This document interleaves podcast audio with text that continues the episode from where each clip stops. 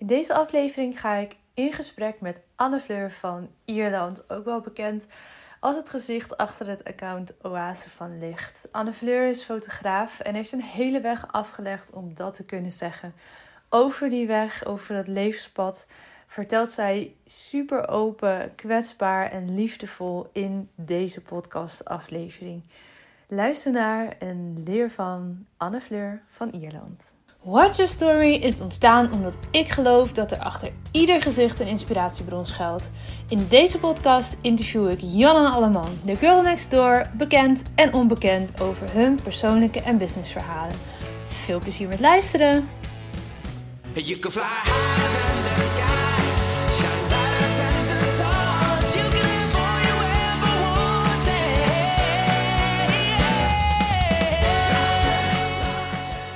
Wanted. Anne Fleur, welkom in de podcast. Wat fijn dat je er bent vandaag. Ja, dankjewel. En wat leuk dat ik hier mag zijn vandaag. Ja, eindelijk. We hebben er lang op moeten wachten. Allebei wilden we dit al best wel een tijdje, maar hier zijn we dan. Ja, ja, het duurde lang, hè? Ja. Ja, ja, het duurde even. Er kwamen wat kinken in de kabel. Misschien dat we het daar nog wel over hebben gedurende deze aflevering. Maar het is helemaal goed. Dit is ons moment voor deze aflevering. En um, ja, voor ik natuurlijk heel benieuwd ben naar jouw verhaal. Voor jou, de allereerste vraag van deze podcast, zoals bij alle gasten. Wie is jouw grootste inspiratiebron? Ja, dat, dat, was nog niet zo heel makkelijk, moet ik zeggen. Want ik, ik vind het altijd moeilijk om één iemand te kiezen. Omdat ik zoveel ja, inspiratiebronnen heb en zoveel mensen die ik echt zo'n toppers vind. Maar um, ja, dan moest ik toch gaan voor Kim Munnekom. Want, uh, ja. ja, zij heeft toch een bepaalde gave. Ik kan het even niet anders noemen om mij in een soort van flow mee te krijgen. En um, ja, die, ja, ze raakt me op een bepaalde manier. En ze is toch ook wel een beetje een rolmodel voor mij. Dus ja, niet dat ik volledig haar leven zou willen kopiëren of zo. Maar zij heeft wel dingen bereikt voor zichzelf. Dat ik denk van ja, kijk, dit, dit wil ik. Dit was mijn droom ook al. En nu zie ik dat zij die gewoon leeft, zeg maar. Dus het is mogelijk. Dus ja, als zij het kan, waarom ik dan niet? Dus ja, precies. Ja. En wat zijn dan van dat soort dromen of doelen waarvan jij zegt, oh, dat, dat voelde ik al en zij bevestigt dat dat kan? Waar droom je van? Ik droom van meer vrijheid, mijn eigen tijd in kunnen delen. Um, financiële vrijheid ook wel. Um, omdat het, ja, het is niet het belangrijkste, maar het is wel gewoon heel fijn en het is gewoon heel leuk als dat, als dat er is. En uh, dat schept gewoon weer meer mogelijkheden. En zij raakt zoveel mensen um, tegelijkertijd, weet je. Zij, zij heeft dus zo'n groot bereik en ja, ik, uh, maar ja, vooral die vrijheid die zij ervaart, hè, om haar eigen ding te doen. Uh, ja, niet voor een baas, haar eigen bedrijf. Uh, ja. ja. dat is wel iets wat ik, uh, wat ik ook heel graag wil. Ja. ja, ja. Nou ja, en dat raakt natuurlijk heel direct aan jouw verhaal ook. Hè, hoe jij uh, volwassen bent geworden, hoe jij als kind je hebt nou ja, kunnen ontwikkelen. En ook, wat ik van jou weet, niet kunnen ontwikkelen op heel veel vlakken destijds. Ja. Um, dat, ik snap heel goed dat dat verlangen er is met wat jij mij eerder hebt gedeeld over jouw verhaal. Mm-hmm. Uh, zou je de luisteraar en mij eens willen meenemen, een stuk terug in de tijd, uh, om te beginnen bij het begin, zodat uh, mensen ook snappen nou ja, wie je bent en waarom je bent gaan doen wat je doet? Ja, goh.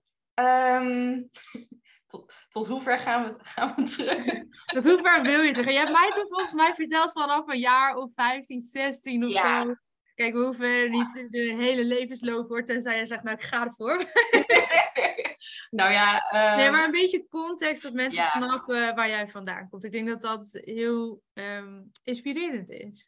Oké, okay. nou ja, dan, dan wil ik toch ook weer even terugrefereren naar mijn kindertijd wel eventjes. Want ja, van wat ik heb gezien, terug heb gezien van mezelf, uh, van wat ik me herinner. Want ik heb dus herinneringen van toen ik drie jaar was. Ik denk dat dat best uniek is.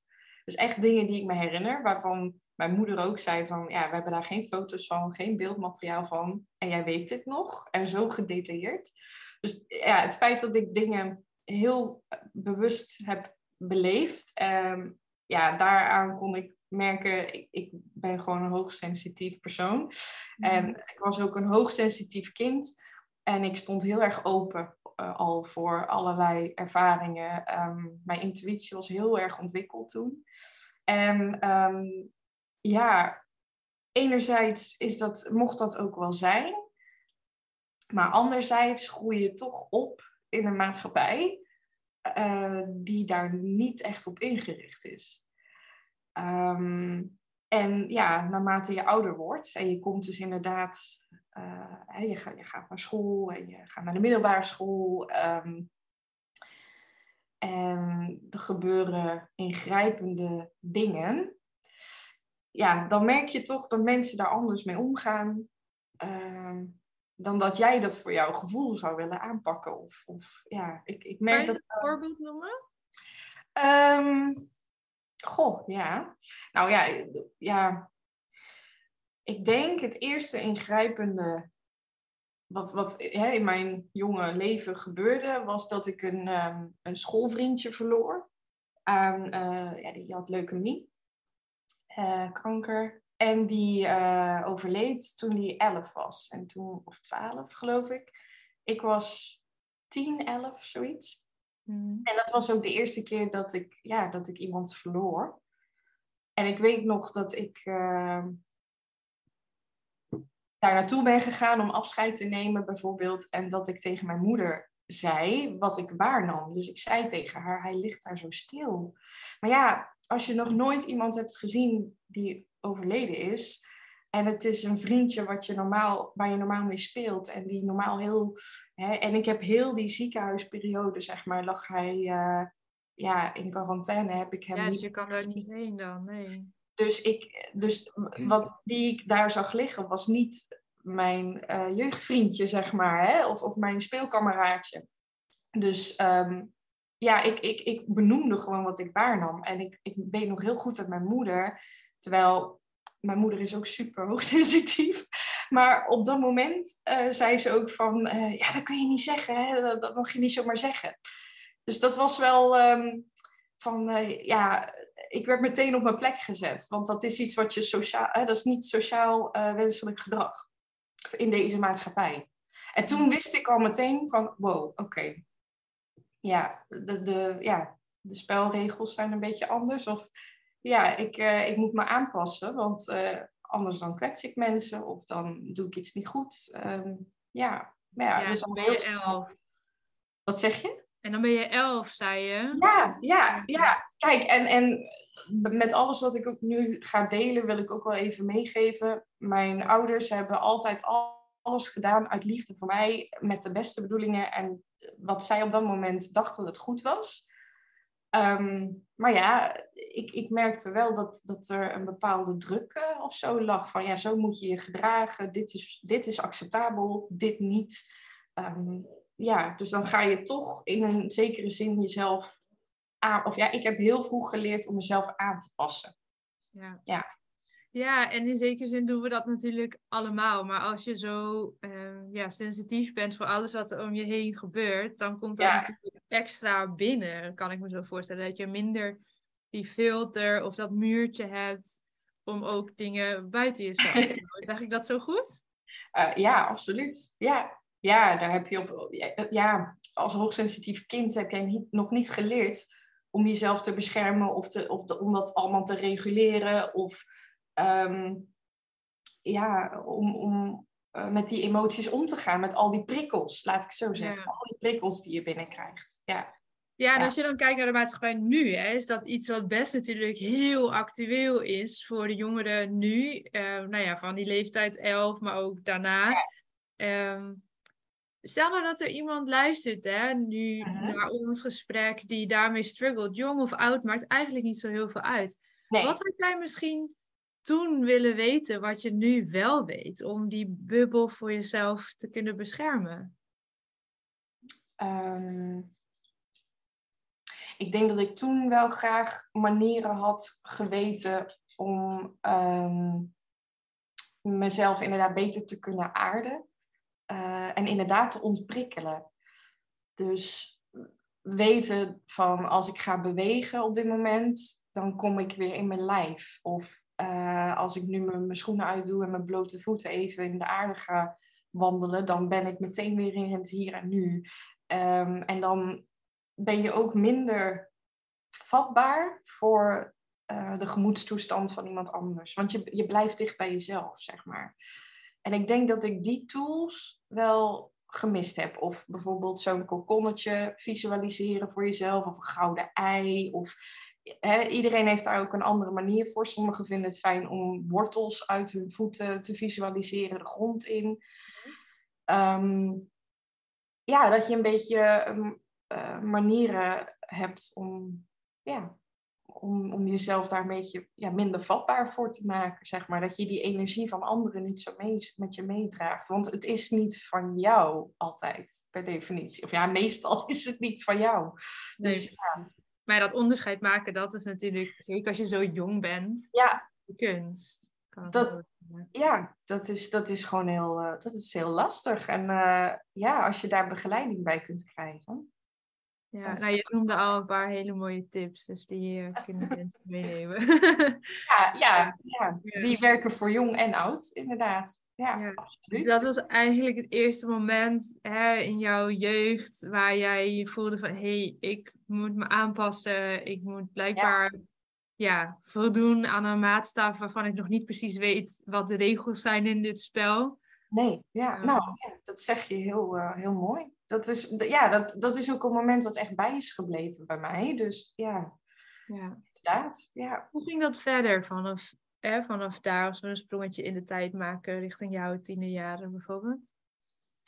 Uh, ja, ik merkte, uh, ja, op de basisschool was ik al wel een beetje anders dan de rest. Maar daar werd ik wel door de leerkrachten heel erg, ja, als ik het zo mag zeggen, wel in bescherming genomen. Mhm. Daar ben ik ze ook wel heel erg dankbaar voor. Dus als er ja, oneenigheid was in de klas of ehm, er werd wat pestgedrag vertoond of plagen of, of hè, ehm, er was wat oneenigheid of zo, werd er eigenlijk meteen op ingegrepen. Dat werd heel goed gezien. Ehm, en ook dat iedereen gewoon mocht zijn. Iedereen mocht zijn wie die was. En uh, dat was helemaal goed.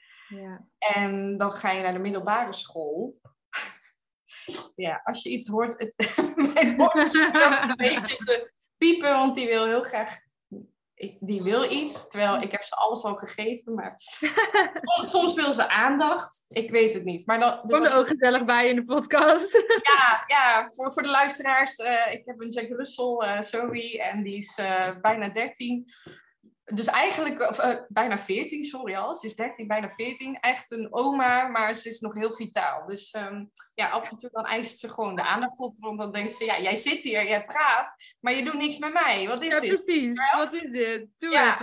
even. uh, maar goed, um, hopelijk uh, kan ze zichzelf daar een beetje vermaken. Maar goed. ja, je hoort ik weet niet of mensen wat horen in de opname, maar ik hoor het wel. ja, jij hoort het wel, ja. Nee, het is klaar, klaar. Ja, kom, het is goed. Oké, nou, ik ga gewoon even proberen de, de ja, ja, ja. Hè? Dus als ik het negeer, dan zal ze wel hè, de eigen ding gaan doen. Maar uh, middelbare school, ja. Dus um, daar had je die bescherming niet meer. En niet meer echt van die intuïtieve leerkrachten die het allemaal goed aanvoelden, zeg maar. Of die jou begrepen. Uh, want daar is allemaal geen tijd voor het is allemaal niet meer zo één op één. En um, ja, je hebt ieder lesuur een andere leerkracht. Dan ga je al een beetje, tenminste, dat was mijn ervaring. Je gaat al een beetje mee in die red race van, van de maatschappij.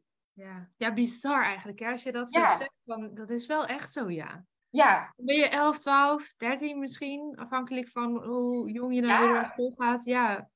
12, hè, denk ik. Of ja. Ja. ja. ja bizar. En je moet ook al uh, heel goed weten welke richting je wil gaan doen. Hè? Je, moet al, je moet al kiezen.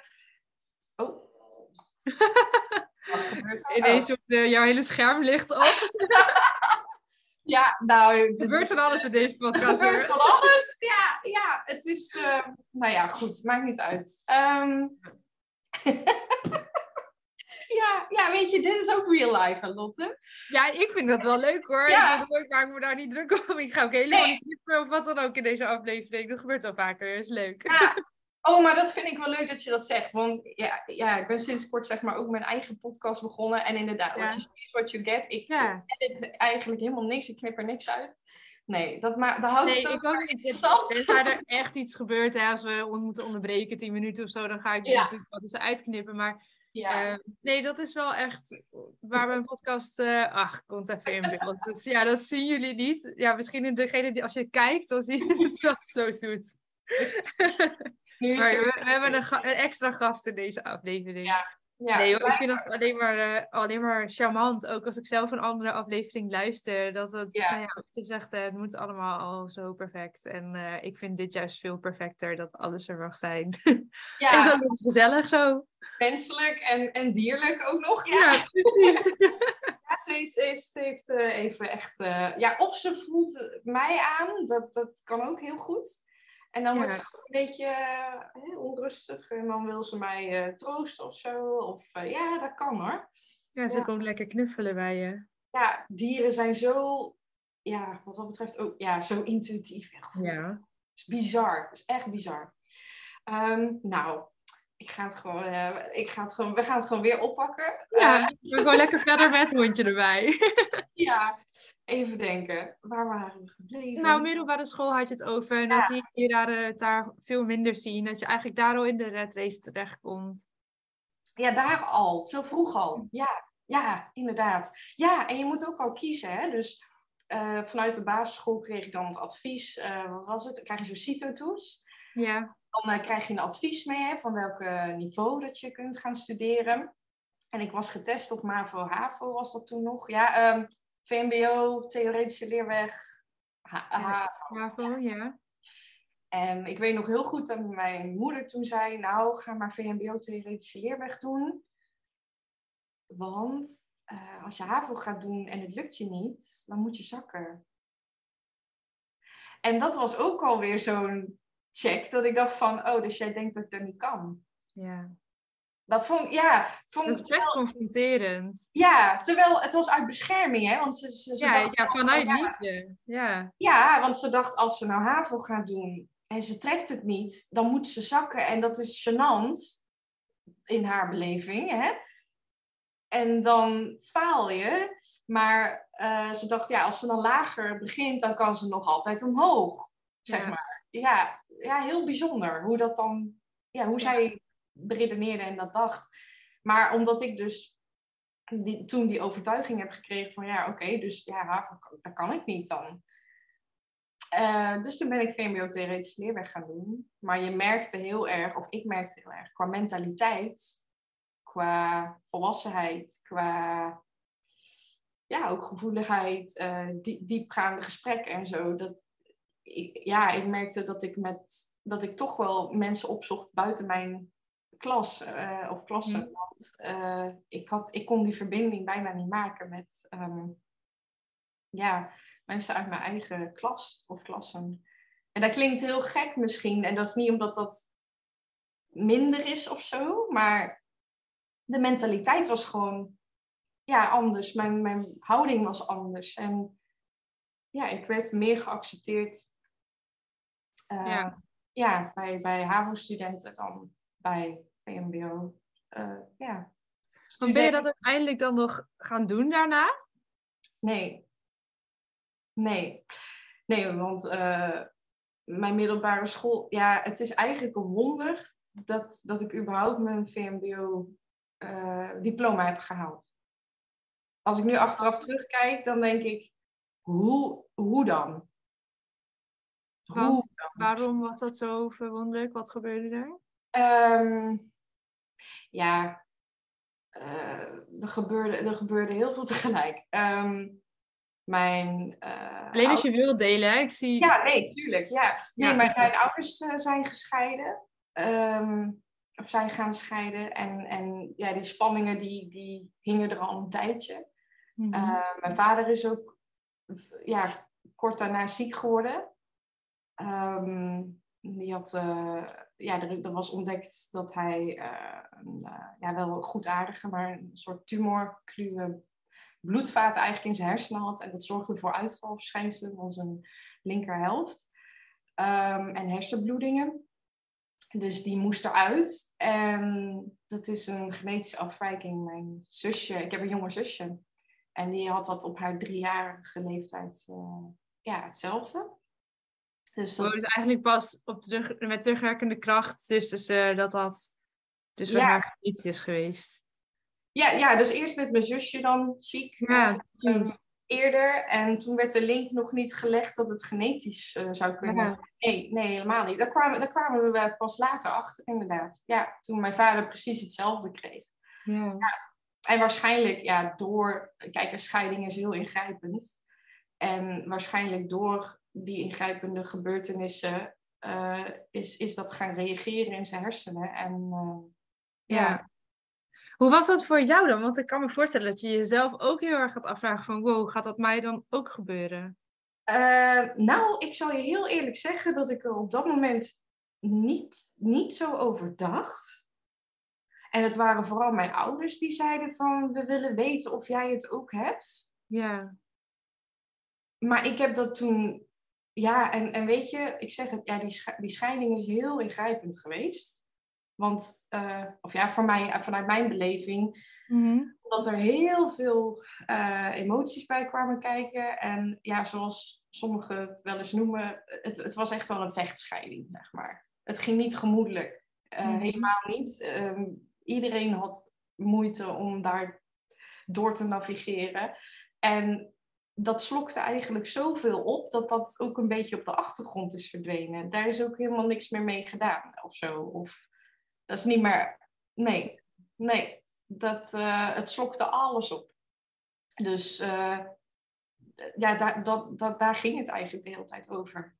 Ja. Over die omgangsregeling of over co-ouderschap. Of, ja, de, de, de, de jaren die daarop volgden stonden allemaal in het teken van um, ja, de gevolgen van die scheiding. Of, ja alles. Ja, dus dan inderdaad, hè, waar we begonnen, inderdaad wel, wel terecht dat je zegt, het is wel een wonder geweest dat ik überhaupt uh, die opleiding heb afgemaakt en een diploma heb gehaald.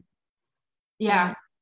En, en zonder een jaar over te doen of zo. Hè? Ik weet nog heel goed dat um, ja, ook, ook tijdens die, die scheiding, zeg maar, uh, mijn moeder lag in, uh, in puin gewoon. Mijn vader vluchtte uit het huis, dus die was er niet veel. Dus aan de ene kant had ik een vader die heel, heel veel vluchtte van de situatie, om, om ook maar te zorgen dat die spanningen er, er thuis niet waren. Maar ja, aan de andere kant had ik een moeder die eigenlijk gewoon helemaal ingestort was, die kon niet meer. En ik had nog een jonge zusje en die moest wel ook nog naar school uh, hè, naar de voorschoolse opvang gebracht worden, uit school gehaald worden. En dat deed ik dus. Dus ik, ik nam um, toen ook al, ik ben heel snel volwassen moeten worden om mee te draaien eigenlijk een beetje, om alles een beetje om, ja, recht te houden eigenlijk. En ik deed dat met liefde, uh, met liefde, maar um, ja, ik merk wel dat het, uh, dat het toen wel ten koste ging van, ja, bijvoorbeeld mijn, mijn ik, ik, kwam bijvoorbeeld elke keer standaard te laat op school. Omdat dat tijd technisch, zeg maar, ik kon niet eerder terecht om mijn zusje weg te brengen. En dan moest ik heel snel naar mijn school fietsen. Ja. Maar dan redde ik het net niet. Dus iedere keer was ik net twee minuten te laat. En ja, dan heb je zo'n kaartje, dan moet je dan in laten vullen, dan moet je nakomen of nablijven. Um, heeft allemaal gevolgen. En ik gaf daar niet zoveel om. En toen zeiden ze ook van, ja, waarom uh, gebeurt dit nou iedere keer? En iedere keer maar die twee minuten. En waarom uh, doe je er zo nonchalant over? Het interesseert je helemaal niet. En ja, dit kan gewoon echt niet. En toen zei ik, ja, maar hallo jongens, jullie hebben geen idee wat ik allemaal moet doen. Voor, Voordat ik naar school kom. Ik zeg, denk je nou echt dat ik me hier druk over ga Ja, omdat er thuis zoveel aan de hand was, dacht ik, ja, dit is, dit is niet mijn eerste zorg. Dus, nee. nee. Maar en... volgde daar dan wel begrip op het moment dat je vertelde hoe, hoe het zat? Want het is een hele zinvolle vraag die dan op een gegeven moment gesteld wordt, lijkt me. Van, hé, hey, waarom ja. twee minuten te laat? Want als zij weten, ja, ze moet haar zusje wegbrengen en ze komt zo snel als ze kan hierheen, dan zou ik ook heel anders kijken naar jou de hele tijd maar laten nablijven om die twee minuten.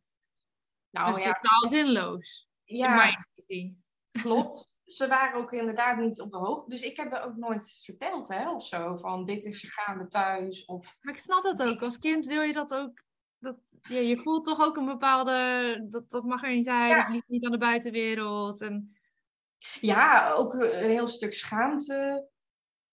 Ja, want hè, ik, ik weet bijvoorbeeld ook niet hoe, hoe mijn moeder erover of er tegenaan kijkt dat ik dat deel, dat ze, dat ze zo, eh, ja, zo, zo oververmoeid was. Maar ja, ja, maar ook heel Het is menselijk, mij. toch? ja, Ja, ik kan me voorstellen dat ook dit luistert, dat dat misschien best confronterend is om je eigen dochter dat te horen vertellen. Maar tegelijkertijd, ja, zij is ook, is ook niet voor niets in die situatie beland waarschijnlijk. En vanuit liefde heeft ze gedaan wat ze kon en ook Precies. dingen kon ze niet. En dat is heel vervelend geweest voor jou en voor je zusje. En weet je, jullie hebben daar misschien dingen van mist. Maar tegelijkertijd, ja, je hebt ook met elkaar, zat je in een soort van overleefmodus. dat. Het heeft nu ook niet zoveel zin meer. Tenminste, ik weet dat jij daar ook zo naar kan kijken. Klopt. het, het heeft nu niet zoveel zin meer om daar heel veel wrok over te koesteren. Want iedereen Nee. heeft gedaan wat hij kon op dat Ja. moment. Juist. Nee, Hoe nee, pijnlijk het ook geweest is misschien. Ja. klopt. Maar ik denk, ik denk wel dat het goed is om aan te halen dat je dus vanuit jouw gevoel en jouw beleving altijd alles mag, mag delen. En, dat ja. hè, en wat, dat heb ik toen niet gedaan. Ik heb het toen niet aan school verteld. Ik heb het aan niemand verteld. Omdat ik inderdaad dat stukje schaamte ook nog eens met me meedroeg van mijn ouders, van mij. Eh, terwijl inderdaad, vanuit jouw beleving mag je altijd delen. Dat is jouw gevoel, dat is jouw ervaring en die mag er zijn. ja. En ehm, ja, dat, dat kon ik toen inderdaad nog niet. Maar inderdaad, ik was ook heel jong.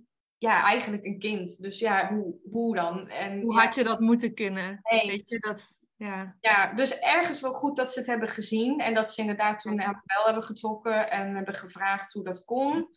Ehm, ja, toen hebben ze ook wel gezegd van ja, maar ja, dit gaat van jouw schoolkwaliteit af. En, en dit, dit kan zo niet. Er moet een andere oplossing komen. We zullen met je ouders gaan praten. Ik zeg ja, zeg, dat mag je doen. Ik zeg maar, die, die zijn nu met hele andere dingen bezig.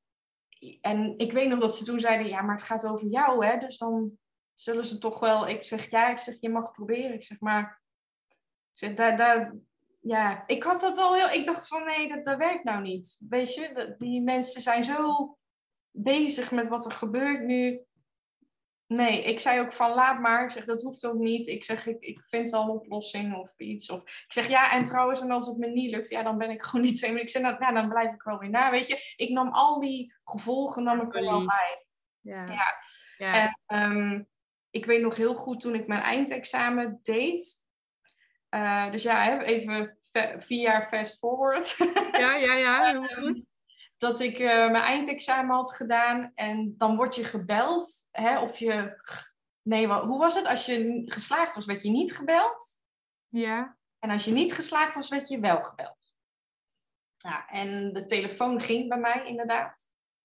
En eh, het was ja, de directeur van de school. En die zei, ja, Anne Fleur, ik vind het zo... Hij zei, ik vind het zo lullig.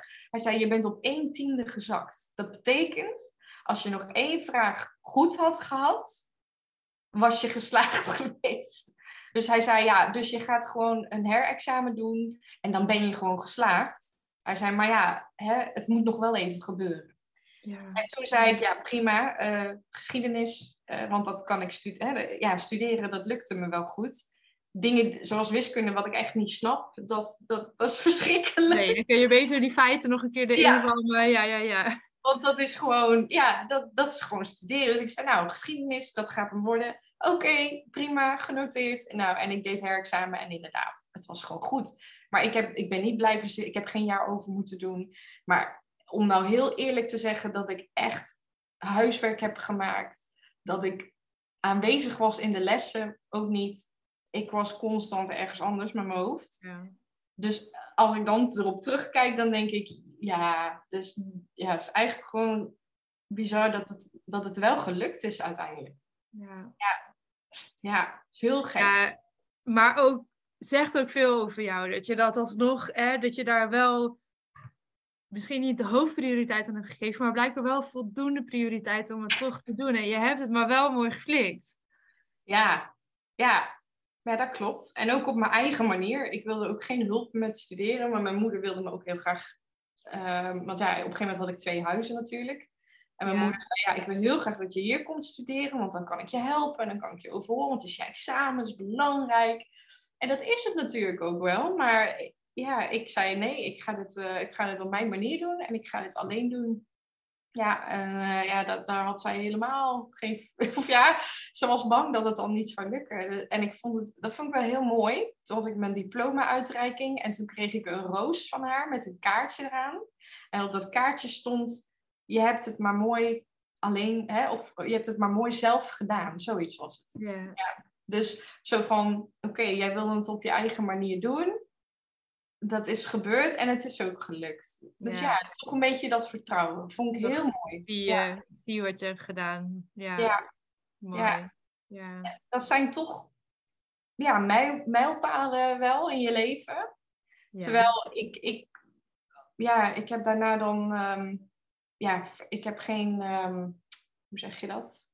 Opleiding, MBO-opleiding eh, of afgerond of een diploma daarvan of wat dan ook. En ik merk ook dat we er steeds meer van afstappen nu in deze tijd. Ja. Het is niet meer zo nodig. En er wordt meer gekeken naar je kwaliteiten. En ik vind, ik vind het echt een goed iets. Want ehm, voor iemand zoals ik ook met faalangst. Ik had heel erg faalangst met examens en zo. Dus ik, ik heb wel bepaalde cursussen gevolgd of ehm, opleidingen gedaan. Maar die examens heb ik nooit gedaan. Omdat ik gewoon zoveel stress had om te falen. En ik denk als je daarmee worstelt en zo. ehm, en je denkt, oh, zonder dat diploma ben ik niks waard. Ja, dat, dat is helemaal niet waar. Ik, ik heb zoveel banen gedaan, zoveel werk gedaan. Waar je eigenlijk een diploma voor nodig hebt. Maar als jij gewoon laat zien van, kijk, dit, dit kan ik. En je krijgt die kans. Dat moet dan natuurlijk ook wel zo zijn.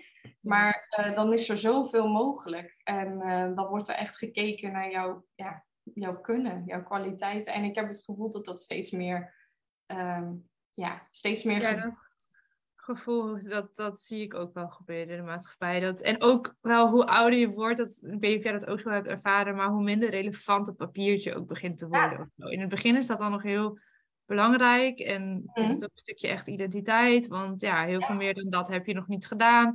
En nu, ehm, en nu wil je dan zoveel verder. Nou, jij bent ook voor jezelf begonnen, gaan we het zo over hebben, maar ik ook. En dan ineens is gewoon wat je kan, doet ertoe. Als ik nu zou gaan solliciteren bijvoorbeeld, dan, ja, weet je, dan weet ik dat dat papiertje wat ik heb gehaald eh, met mijn communicatiestudie, dat is een hele fijne basis. Maar alles wat ik daarna heb geleerd is eigenlijk zoveel waardevoller nu in het heden dan die vier jaar, tien jaar geleden, bij wijze van spreken. Ja, bijzonder. Ja. Dus ja, ik zou, weet je, het zou in je cv staan, maar meer ook niet. In mijn Nou, geval. dat. Ja, ja, ik snap wat je bedoelt. Ja, ja vind, vind ik wel. eh, maar jij wist wel al heel vroeg wat je wilde gaan doen dan. Nee, helemaal Nee. niet. Helemaal. Oh, Oké, oké.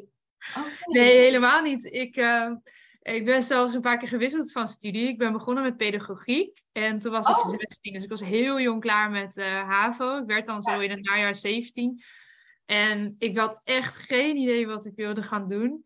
En het is op zich wel een mooi verhaal, want ik zie mezelf nog bij mijn ouderlijk huis. Mijn ouders wonen daar inmiddels niet meer, maar daar was een mooie tuin en een klein tuinhuisje stond daar ook in. Mijn ouders woonden op een woonboot toen, daar ben ik opgegroeid. Wat gaaf. En ehm, mijn eh, oma was volgens mij toen bij ons. En ik zat met mijn moeder eh, in dat tuinhuisje. Mijn vader was ook ergens thuis. Ik, ik zie het nog helemaal voor me. En ik moest me gaan aanmelden voor die studie. Ja, En ik wist echt niet wat ik wilde gaan studeren. Want het enige wat op dat moment belangrijk was in mijn leven was volleyballen.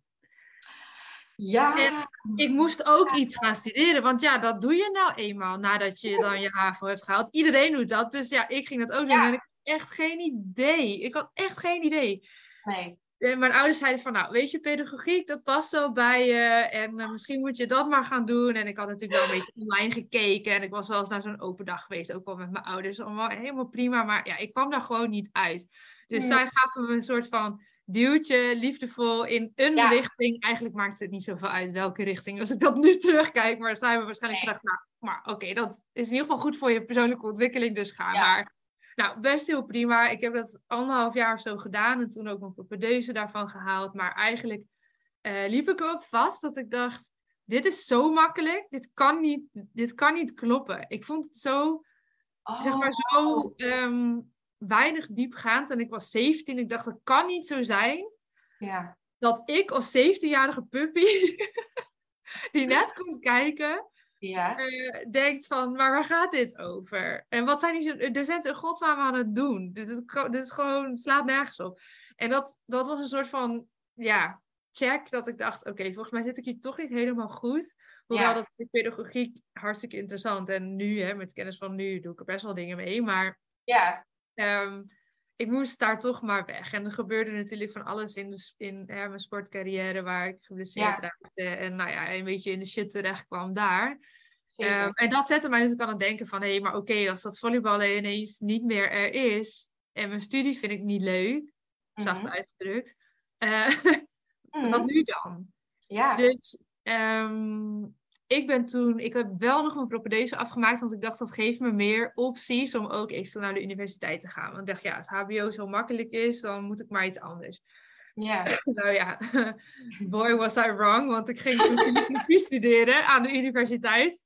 Ja. Super cool. Ik sta er nog steeds helemaal achter, want ik dacht, ja, ik wil het leven begrijpen. Ik wil de wereld Ja. begrijpen en eh, ja, dan moet ik maar filosofie studeren. Ja. En dat was super leuk. Ik vond het echt een fantastisch jaar. Ik heb het echt bij lange na niet gehaald. Ik heb 30 punten gehaald van de 60.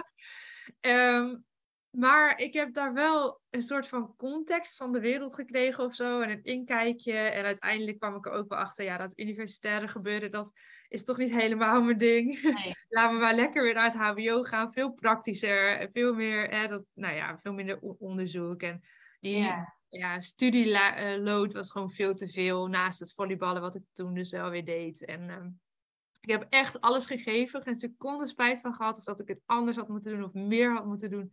Het Mhm. was gewoon te hoog gegrepen. Ja. En dat is ook wel iets, ja, dat zie je ook, dat er dus ook nog wel, ja, ik wil niet zeggen een taboe, want dat klinkt gelijk zo dramatisch, maar dat mag bijna ook niet meer tegenwoordig. Dat je kan zeggen, ja, ik heb het geprobeerd, ik heb alles gegeven en het is gewoon te hoog gegrepen. Ja. Ja, dat was het gewoon echt wat het was. Ik had het niet gered tot het einde van het derde jaar. Denk ik. Op een gegeven moment hadden ze gezegd, nou ja, sorry, ga maar, want het kan niet. Ja. Nou ja, dat zeiden ze eigenlijk ook aan het, eerst, aan het eind van het eerste jaar. Ik had te weinig punten. Ja. Mocht niet door, ben naar het HBO gegaan, heb communicatie gestudeerd. Dat heb ik afgemaakt. En ja, als je dan eh, terugkomend op jouw vraag van, ja, jij wist al heel jong wat je wou. Ik had echt geen idee. Nee. Oké. Nee. Nou ja. En, ja, we hoeven dat. Ik, ik, ik persoonlijk vind dat, dat we inderdaad vrij vroeg al zouden moeten weten wat Ja. we dan willen gaan doen. Maar inderdaad, je verandert nog zoveel, je ontwikkelt nog zoveel. Ja.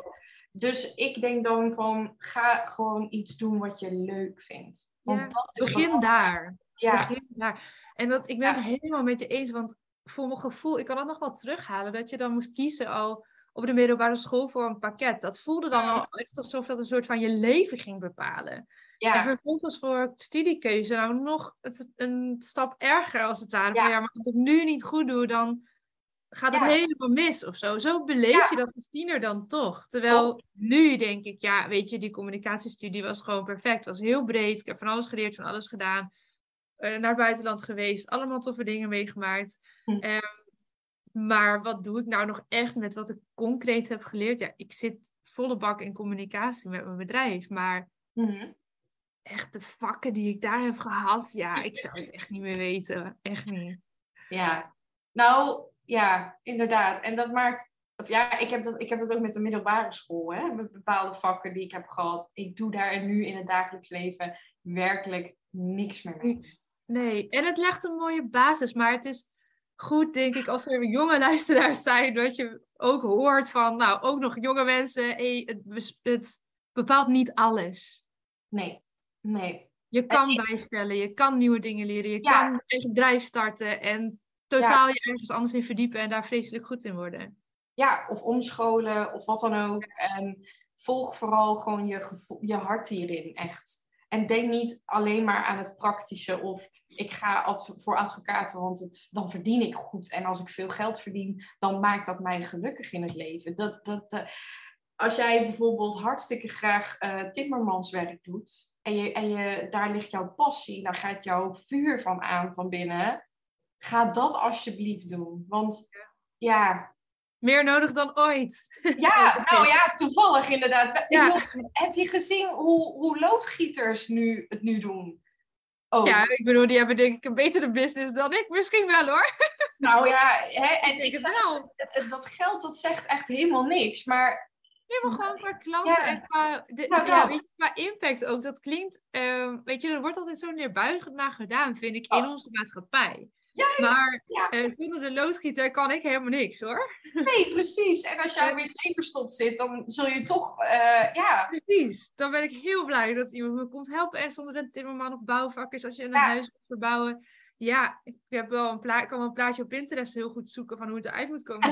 maar ik krijg het niet voor elkaar zelf. Echt niet. Nee, nee, daarom. Ja, en daarom, ik, vind, ja, ik, ik zou inderdaad gewoon... Uh, ja, als, als, ik, als ik mezelf zou kunnen zien hè, tegenover me nu van uh, eh, 11 jaar of 12 jaar of 16 jaar, um, dan zou ik inderdaad willen zeggen: ga, ga gewoon iets doen wat jou goed ligt, wat je leuk vindt. Ja. En uh, haal er vooral plezier uit. Ja, plezier in het leven. Dat je, ja, dat je graag opstaat ervoor dat je gedreven bent, ja, dat er inderdaad echt zo'n soort van vuur, ja, zo'n onderbuikgevoel. Iedereen is trouwens, kijk, ik, ik praat de hele tijd ook over hoogsensitiviteit. En um, ja, daar word je mee geboren. Maar eigenlijk, mijn overtuiging is dat iedereen intuïtief is. Ja. Alleen is het bij bepaalde mensen mm, meer afgesloten dan bij anderen. Ja, dat mag er ook heel vaak niet zijn in onze maatschappij. Dus je gaat het ook afsluiten. Je, laat staan het ontwikkelen. Ja. Hey, wat, uh, ik weet natuurlijk wat jij bent gaan doen, maar misschien ik wil dat nog wel echt eventjes zo in het laatste stukje van deze podcast uh, ook een podium geven. Want ja. jij bent ook iets gaan doen waar jouw hart van in de fik vliegt en waar jouw passie nou ja, helemaal tot zijn recht komt. Klopt. Vertel ons meer ja, ik ben er gaandeweg met heel veel omwegen achtergekomen. Uh, wanneer ik de druk eraf haalde, hè, van wat, wat, wat zou ik nou nu het liefste willen doen als geld geen issue was. Als het niet uitmaakt hoeveel ik ermee zou verdienen, of wat dan ook. En toen kwam ik uit bij fotograferen. En dat ben ik gaan doen. En ja, emoties vastleggen op beeld, ja, ik, vooral mensen fotograferen, dat was wel echt mijn ding. Productfotografie is trouwens ook wel echt heel erg leuk. Maar ja, gewoon die, die warmte, de liefde, maar ook gewoon pure emotie, ook verdriet. Gewoon alles, alles mag er zijn, inderdaad. En ook vastgelegd worden. En dat je die herinneringen hebt voor later. Ik, ik vind, ja, voor mij is fotograferen echt ja, een beetje tover, een beetje magie. Want je, door middel van licht en hè, bepaalde techniek kun je zeg maar een, een, beeld wat je waarneemt met je ogen, kun je vastleggen op een apparaatje. Het is, het is toch, ja, het is, ik vind het iets heel magisch eigenlijk. Dan denk ik, ja, ja maar hoe dan, weet je? Als ik wil ja. weten hoe dat werkte.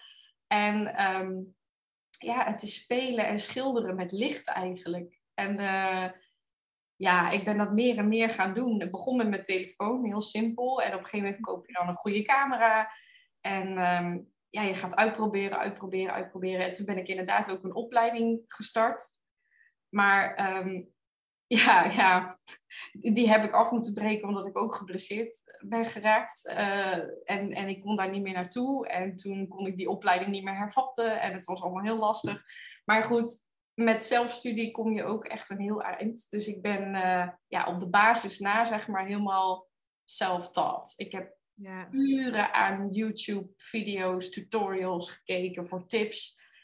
En daarnaast ook gewoon intuïtief. Dus gewoon gaan proberen, gewoon die camera mee naar buiten en gewoon gaan kijken, wat, wat gebeurt er als ik dit doe? Wat gebeurt er als ik dat doe? Want er zijn ook niet echt regels voor. En dat is ook misschien waarom het mij ook zo trekt. Ehm, ja, net even als het spirituele stukje. Er zijn geen vaste regels. Dus iemand kan misschien wel zeggen, oké, deze foto is uh, overbelicht of onderbelicht. Dat kan. Maar Ja. de een vindt het mooi en de ander niet. Het is heel, ja, hoe zeg je dat? Subjectief. Subjectief. Ja, dus eh, dat, dat maakt het voor mij ook zo. Want je kunt het eigenlijk niet goed of fout doen, zeg maar. Nee.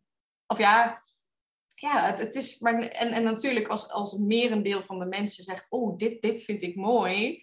Of het is strelend voor het oog. Ja, dan, dan weet je wel van: Oké, ik, ik, ja, dit, dit, hier kijken mensen graag naar. Ja, ja. Maar eh, ja, dus daar, daar ben ik helemaal in verder gegaan. En ehm, ja, op den duur dus ook mijn eh, intuïtieve ontwikkeling en ja, spiritualiteit eh, opgepakt.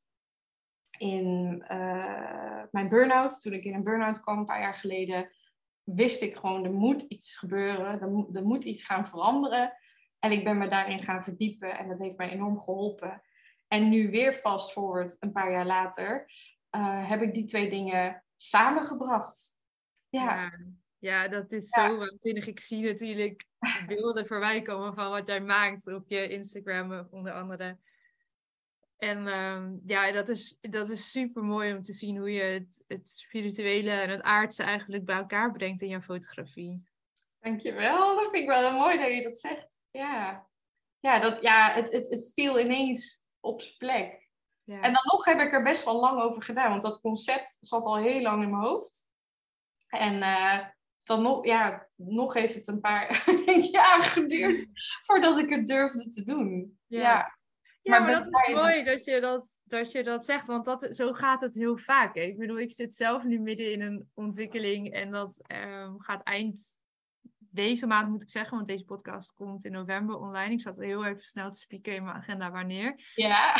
Maar ongeveer anderhalve week nadat deze online is, komt dat eh, concreter naar buiten. Dus dan, dan kunnen mensen dat ook. Ja, ik kan het jou straks nog even na de opname vertellen. Maar ja. cliffhanger voor mensen, hou het in de gaten.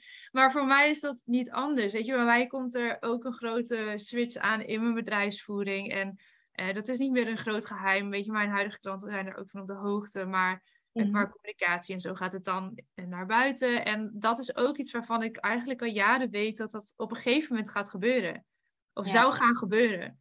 Maar die jaren heb ik ook nodig gehad om daar naartoe te groeien. Qua mijn ontwikkeling. Qua dat ik voel van oké, nu is het moment. Ja. Nu ga ik hier echt voor staan. En dan merk je ook ineens dat op het moment dat je dat gaat doen, ja. ineens gaat het rollen. Weet je, dat, dat is zo Ja. bizar nu. Ik ben met allemaal mensen in gesprek ook hierover. En ineens zeg oh, je moet even die bellen. Oh, je moet even daarheen. Oh, daar weet ik nog een ingang voor je. En dat is, het is een verademing. En het soort van geeft zo'n gewoon boost en rust tegelijkertijd. Ik weet niet of jij dat zo hebt ervaren, maar ik heb het wel zo ervaren nu van... Het geeft superveel energie en een soort van kalmte waarvan je denkt, oh ja, Ja. dit klopt Dat. klikt al die elementen van de afgelopen jaren, ook in het ondernemerschap, al die opleidingen, al die trainingen, al die klanten die ik heb gehad, ineens Ja. in elkaar klikken. En natuurlijk Ja, zal het zich moeten uitwijzen, ook volgend jaar en de jaren die, die volgen. Maar Hm. die kalmte, die is, die is voor mij wel nieuw. Dat ik ineens merk, oh ja, ja, maar dit is, dit is gewoon wat ik ga doen. Dit is wie ik, wie Ja. ik ben. Bent, En ergens wist ik dat al heel lang, wat jij ook zegt. Ergens wist je het al heel Ja. lang. Het idee zat er al. Maar het jezelf gunnen om daar naartoe te mogen groeien, dat is misschien wel het mooiste advies van deze podcast dat we mee kunnen geven aan mensen. Gun jezelf die tijd. Ja, dat, ja, ik kan het zelf niet mooi kunnen zeggen. Ehm, divine timing, ik geloof daar echt heilig in. Ik heb toevallig, en ik geloof ook niet in toeval, als je me een beetje kent, dan weet je dat al. Toeval bestaat voor mij niet, maar ik heb gisteren ook nog een post eh, online gezet waarin ik dat ook vermeld. Divine timing. Alles heeft een tijd en een plaats en stapje voor stapje en dat is ook goed. Ieders tempo is goed. Als jij heel snel door... Kijk, ik weet bijvoorbeeld, om even over rolmodellen te spreken, Kim Munnekom is iemand die wel heel snel doorpakt voor mijn gevoel. Hè? Misschien is dat niet zo, maar dat is wel hoe het overkomt. Ze is heel, ja, ze is heel snel. Ze is gewoon heel bam, bam, bam. Maar ook geworden hè, door haar Ja. hele ontwikkeling. Want dat zien we natuurlijk niet allemaal Nee, aan de buitenkant. Ik heb een tijdje natuurlijk intensief met haar mogen samenwerken in haar mastermind. En daar deelde ze soms ook wel dingen over haar persoonlijke proces. Wat heel waardevol is, want ook bij haar gaat er natuurlijk aan de achterkant een proces schuil achter die snelle beslissing die wij dan ineens zien. Klopt. En dat het zou ook gek zijn als dat niet zo is, want we zijn allemaal human, weet je wel. We zijn allemaal... En, en soms zijn we misschien nu wel getraind in hè, die, um, die knopen snel doorhakken. En ja, hoe langer je onderneemt, hoe, hoe meer je daar ook in getraind raakt. Absoluut. Weet je, dat is, nou ja, als we daar nog eventjes eentje in gooien, ook weet met wie je je vergelijkt. Want dat vind ik met, met Kim een hele mooie. Ik zie ook natuurlijk wat zij doet. En ik vind elementen daarvan ook heel toepasselijk in mijn eigen bedrijf of in mijn leven. Ehm, maar ik weet ook dat zij ongeveer dubbel zo lang al ondernemer is. Juist, ja. En als je dan weer teruggaat naar, hè, gun jezelf die periode van groei. Ja. Je, is misschien nu een jaar of elf, twaalf of zo bezig, ik vijf. Ja. Weet wat voor vergelijking je maakt. Ja, klopt. Ja, en als we dan... Dan maak je je helemaal gek. Als, je, als ik nu daar zou willen zijn waar zij is met de, hè, de helft van de tijd. Ja, het kan wel. Het is niet onmogelijk. Maar dat proces heb je vaak wel ook nodig. Nodig. Nee, dat zeg je heel goed. En als je het dan nog ook een beetje doortrekt. Hè? Jij zegt, ik ben vijf jaar bezig nu ongeveer. Ja. Ja, nou, ik denk dat ik nog echt heel erg aan het begin sta. Want ik heb heel lang nog... Kijk, mijn bedrijf, of het feit dat ik een bedrijf wilde opstarten, dat was eigenlijk al... Ja, ik, ik heb die in 2020, hè, heb, heb ik me ingeschreven bij de KVK. Ik wist al dat ik dit wilde, dat ik dit ging doen. Maar het, echt beginnen, echt lanceren, echt zeggen van oké, dit is waar ik voor sta, dat is eigenlijk nog maar zeer recent. Ja. En um, ja, dat is ook oké. Weet je, en, en inderdaad. Maar... oké, je moet toch ook ergens ja. beginnen? Oh, ja, ik sta eigenlijk nog aan het, aan het begin, zeg maar. Ja. Ik vind het wel heel inspirerend en mooi dan om te zien waar je dan naartoe zou kunnen gaan. Ja, hè? ja precies. Ja, ja dat, dat, is ook goed. Ja. En dan weet je ook waar je naartoe wil met je business. Ja, als je het eenmaal hebt, want hè, zoveel vrouwen die ik spreek, die dan ook inderdaad zeggen van ja, ik wil iets anders, maar ik weet niet wat. En dat ik ook zeg van ga ervaren, ga proberen, probeer dingen uit en ga voelen van wat voelt goed, wat, wat stroomt en wat stroomt niet. Dat voel je gewoon. Als iets stroef gaat of je moet er heel hard aan trekken, wat ik inderdaad met andere dingen had, of daar kwamen dan mensen niet op af, of dat was allemaal niet zo interessant dan wist ik ook van, ja, weet je, het stroomt niet. En ik ben veel te, um, hoe zeg je dat? Ik ben het, het, het is veel te veel van het moeten. Ja. Het moet, dit moet lukken of dit moet slagen. En terwijl als het echt vanuit jouw, ja, hoe zeg je dat? Ja, jouw passie komt, jouw zielsmissie bijna misschien, ja, uh, Dan, dan zie je ook ineens dat het inderdaad gaat stromen. En dan zeggen mensen, dit hadden wij nodig. Hier zaten wij op te wachten. Ja. Dit is waarom ik jou volg. En dit is waarom, ja, dat merk, dat merk ik dan nu. Ja, en, en ja, dat is geweldig. Dat is echt een onbeschrijfelijk gevoel. Ja. Prachtig. Ik zie het ook gebeuren in je ogen. Ja. Hey, ja. dan tot slot, hè? want als, uh, je bent fotograaf, dus je, maakt, ja. uh, je doet fotoshoots. Als mensen meer willen zien van jouw werk of met jou contact willen opnemen, waar kunnen ze je vinden? Ja, ik ben heel actief op Instagram inderdaad, onder uh, Oase van Licht.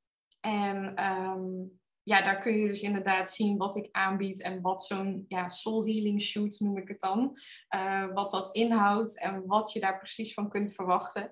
Dus ik breng inderdaad het intuïtieve stukje, het spirituele stukje, een ceremonieel stukje, een reading samen uh, met daarna, ja, of ja, gevolgd door eigenlijk foto's maken. En om jou uh, als vrouw eigenlijk volledig in je kracht te zetten en je zelfbeeld gewoon te brengen naar waar die mag zijn. Ja, want dat gebeurt nog veel te vaak. Dat vrouwen een zelfbeeld hebben wat echt niet klopt. Ja, dat ze zoveel hè, mooier zijn dan dat ze zelf beseffen. Ja. Ja. Ja. Dat is je mooi. Oké, dan weten ze waar ze jou uh, kunnen vinden. En ja. ik wil jou echt onwijs bedanken voor deze prachtige aflevering. Volgens mij hebben wij heel veel mooie persoonlijke dingen gedeeld. Vooral jij. Um, een aflevering die denk ik voor jong en oud de moeite waard is geweest om te kijken en te luisteren. Eh, er zitten heel veel mooie levenslessen in. Dank je wel daarvoor. Ja, nou jij ontzettend bedankt voor de kans. En uh, ja, ik vond het uh, magisch. ik ook, Dank je wel. En nog even een extra knuffel voor... Uh... Voor Zoe, ja. ja voor Zoe. helemaal zen, helemaal chill. En die wilde gewoon even... Ja, even lekker bij. Ja, ja. En, super. Dankjewel voor het luisteren naar deze aflevering van de Lotte Geldan podcast. Ik vind het te gek als jij deelt dat je hebt geluisterd, bijvoorbeeld via je Insta Stories. Tag me vooral, zodat ik jouw bericht ook weer kan delen. Samen bereiken we op die manier nog meer mensen en kunnen we nog meer impact maken. En tot slot, ik zeg het nog maar een keertje, ga naar watchyourstory.nl en vraag een gesprek aan, zodat jij niet langer hoeft te struggelen met jouw marketing. Samen creëren we voor jou een heldere bedrijfsboodschap en een marketingplan dat werkt, zodat jij vanuit zelfvertrouwen je business kan laten groeien. En als je nog even moed wil verzamelen, luister dan naar de heerlijke Watch Your Story song als afsluiter van deze podcast. Tot de volgende!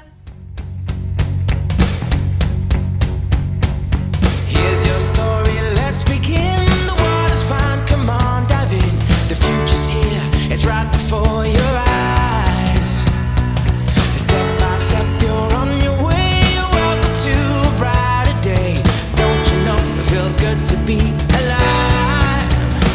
You could be larger than life, bigger than the world, living out the hopes and dreams of every boy and every girl. You could fly higher than the sky, shine brighter than the stars. You could have all you ever wanted, shoot the moon and reach for Mars. You know you could.